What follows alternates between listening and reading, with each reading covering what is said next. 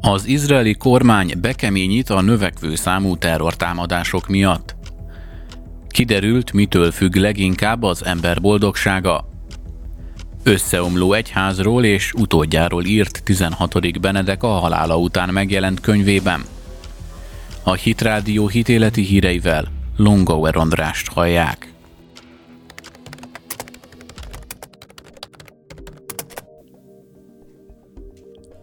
Az izraeli biztonsági kabinet szombat este ülésezett és egy sor új, szigorú intézkedést jelentett be a palesztin terroristák és támogatóik ellen. A lépés az elmúlt évtized legvéresebb jeruzsálemi terrorista cselekményekkel teli hétvégéjét követi.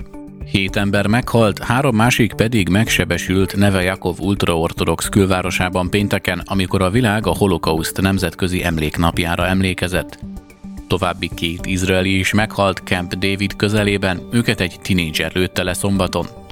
Benjamin Netanyahu miniszterelnök elmondta, hogy az új terrorellenes intézkedések közé tartozik a terroristák otthonainak lezárása, hogy a családok többé ne lakhassanak bennük, és kiutasítsák azokat a családtagokat, akik egyértelműen támogatják az erőszakos cselekményeket.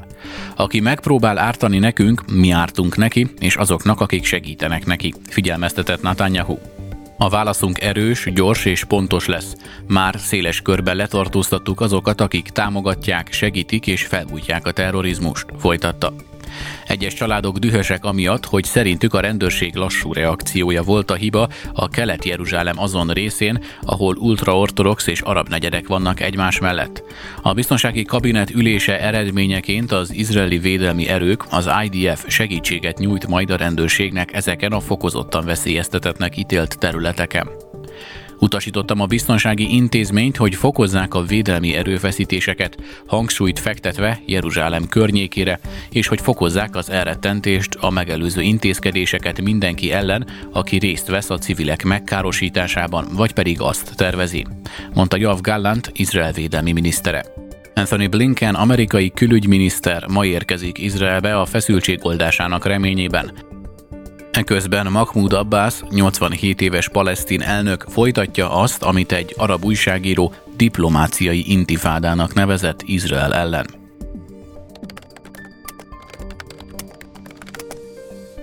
Kutatással mutatták ki a boldogság receptjét. Dr. Robert Waldinger, a Harvard Medical School pszichiátriai klinikai professzora, a Harvard Study of Adult Development igazgatója vezette a kutatást. Ez az intézet indította 1938-ban a legátfogóbb boldogságkutatási projektet, hogy megfejtse az élet nagy titkát. Az alanyokat tinédzser kortól időskorig vizsgálták, és rögzítették a testmozgási, étkezési szokásaikat, házassági elégedettségüket, egészségügyi állapotukat fizikailag és mentálisan, valamint az életükben felmerülő nagyobb akadályokat, problémákat is. A kérdőívekre, orvosi adatokra, tesztekre támaszkodó végső következtetés szerint a legegészségesebb és legboldogabb részvevők halmaza egy dologban egyezett, az emberi kapcsolatokban. Nem a sport, a tudatos táplálkozás, a karrier tette boldoggá az embereket, hanem az őket körülvevő emberek, a barátságok, a felszínes vagy mély pozitív kapcsolódások. Waldinger hozzáfűzte, mindenki szembesül nehézségekkel, veszteségekkel, kihívásokkal. A kérdés, hogy meg tudunk-e küzdeni velük. A megküzdéshez elengedhetetlenek a jó emberi kötelékek, nem feltétlenül a párkapcsolatok, de a barátságok vagy olyan szeretteink, akikre támaszkodhatunk. Mindenkinek szüksége van legalább egy olyan emberre az életében, akiről úgy érzi, egy védőháló számára, aki segítene, ha valóban bajba kerülne. Azok a vizsgálatban résztvevők, akiknek nem volt ilyen támogató kapcsolata, egy ember sem, akit az éjszaka közepén felhívhatnak, ha bajba kerülnek, krónikusan stresszesek voltak.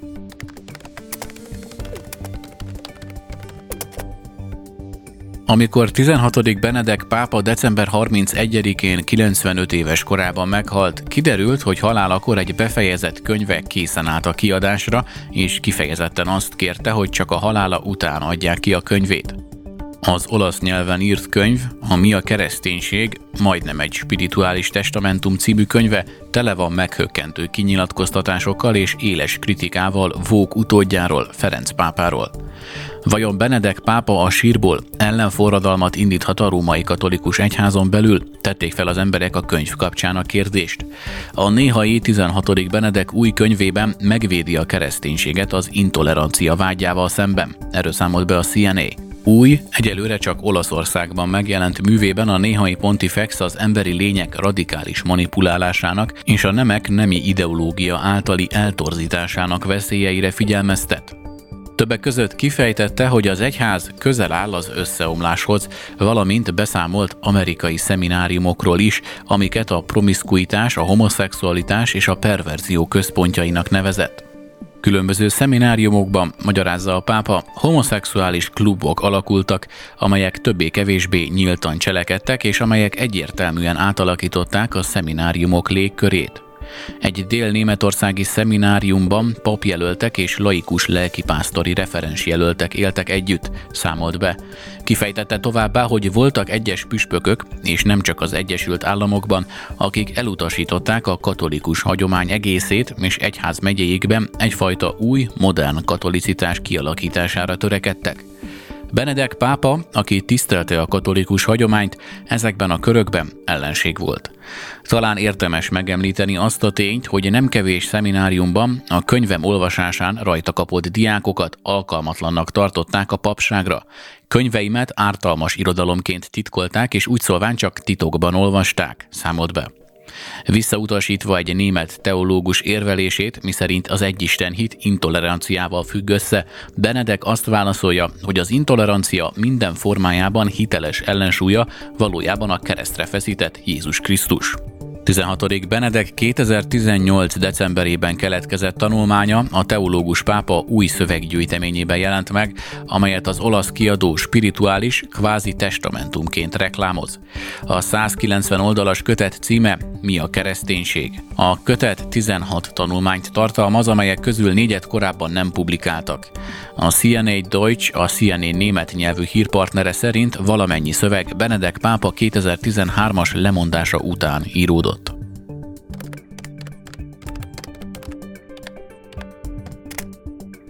Az anglikán egyház Yorki érseke szerint a homoszexualitás elfogadható, ha elkötelezett, stabil, hűséges kapcsolatban élnek a felek.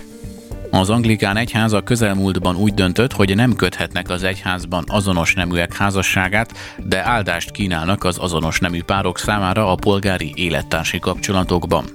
Canterbury érseke Justin Welby így nyilatkozott, nincs illúzióm arról, hogy amit ma javaslunk, egyesek számára túl messzire menőnek tűnik, másoknak pedig közel sem elég messzire, de remélem, hogy amiben megállapodtunk, az elfogadásra kerül. A püspökök azt tervezik, hogy Isten áldását kérik az azonos nemű párokért, valamint sürgetnek minden gyülekezetet, hogy fenntartások nélkül és örömmel fogadják az azonos nemű párokat. Az anglikán egyház Yorki érseke Stephen Cottrell arra a kérdésre válaszolt, hogy a homoszexualitás bűn-e és elfogadhatónak tekinti-e a melegházasságot. Amennyiben stabil és hűséges a kapcsolat, elfogadható, fogalmazott. Majd hozzátette, az azonos nemű házaspárokat teljes mértékben üdvözöljük az egyház életében. Mint elmondta, úgy látom, hogy ez egyházunk összetartásának módja, amely jelenleg nem ért egyet ebben a kérdésben. Olyan helyé tesz bennünket, ahová az LMBTQ emberek, az azonos nemű házasok és a polgári élettársi kapcsolatban élők nyugodtan eljöhetnek, tette hozzá. Személyesen és püspök társaim nevében is szeretném kifejezni mély szomorúságunkat és gyászunkat amiatt, ahogy az LMBTQ emberekkel és szeretteikkel bánik az egyház amelynek mindenek előtt mindenkit értékesnek kellene elismernie. Ők is Isten képmására lettek teremtve, mondta. A jelentés mellett az anglikán egyház püspökei várhatóan közzé tesznek egy bocsánat kérő levelet az LMBTQ embereknek, amelyben őszintén beszélnek az egyház házasságról szóló tanításának megváltoztatásának lehetőségével kapcsolatos folyamatos nézeteltéréseikről. A levél hangsúlyozza azt a világos és erős vágyat, hogy továbbra is együtt járjanak a nézeteltéréseik közepette. A javaslat teljes részletei várhatóan pénteken fognak megjelenni, míg az anglikán döntéshozók várhatóan február 8-án kezdik meg a vitát.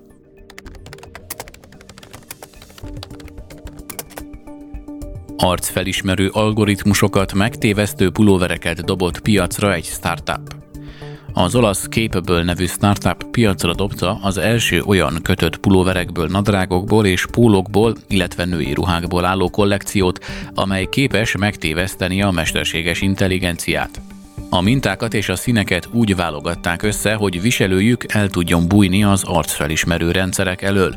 A ruhadarabok úgynevezett adverzális mintákat használnak, amelyeket más mesterséges intelligenciát használó algoritmusok fejlesztettek ki, hogy összezavarják az arcfelismerő rendszereket és megvédjék viselője magánszféráját.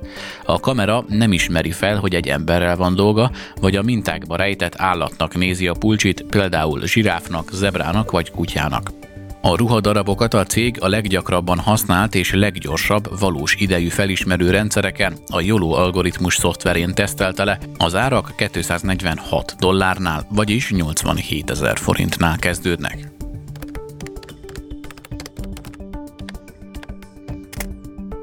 Egy Észak-Karolinában élő lelkész kedden úgy ünnepelte 98. születésnapját, hogy családjával ejtőernyőzni ment. Roy Jernigan lelkész életében először ugrott ejtőernyővel, lányával és unokájával. Egy nappal az ejtőernyőzés előtt Jernigan a Preacher Roy Ministries Facebook oldalán osztotta meg a születésnapi ünneplésével kapcsolatos meglátásait. Holnap lesz a 98. születésnapom. Szombat este volt egy nagyon-nagyon szép születésnapi partim, ott volt 75 ember, nem tudtam, hogy ennyi barátom van a világon, de micsoda öröm és áldás, mindenképpen nagyra értékelem mindenkit, aki ott volt, írta. Sokan azt mondták, mi a fenének mész a te korodban ejtőernyőzni. Én azt mondtam, hogy azért, mert fiatalabb koromban nem lett volna hozzá bátorságom. Tette hozzá? Miután kedden befejezte az ugrást, Jernigan néhány bölcsességet osztott meg az öregedésről. Mindenkinek azt tanácsolom, ha Isten megáld és annyi évet ad neked, mint amennyit nekem adott, égesd el az életedet azzal, hogy másokért élsz, soha nem fogod megbánni, mondta.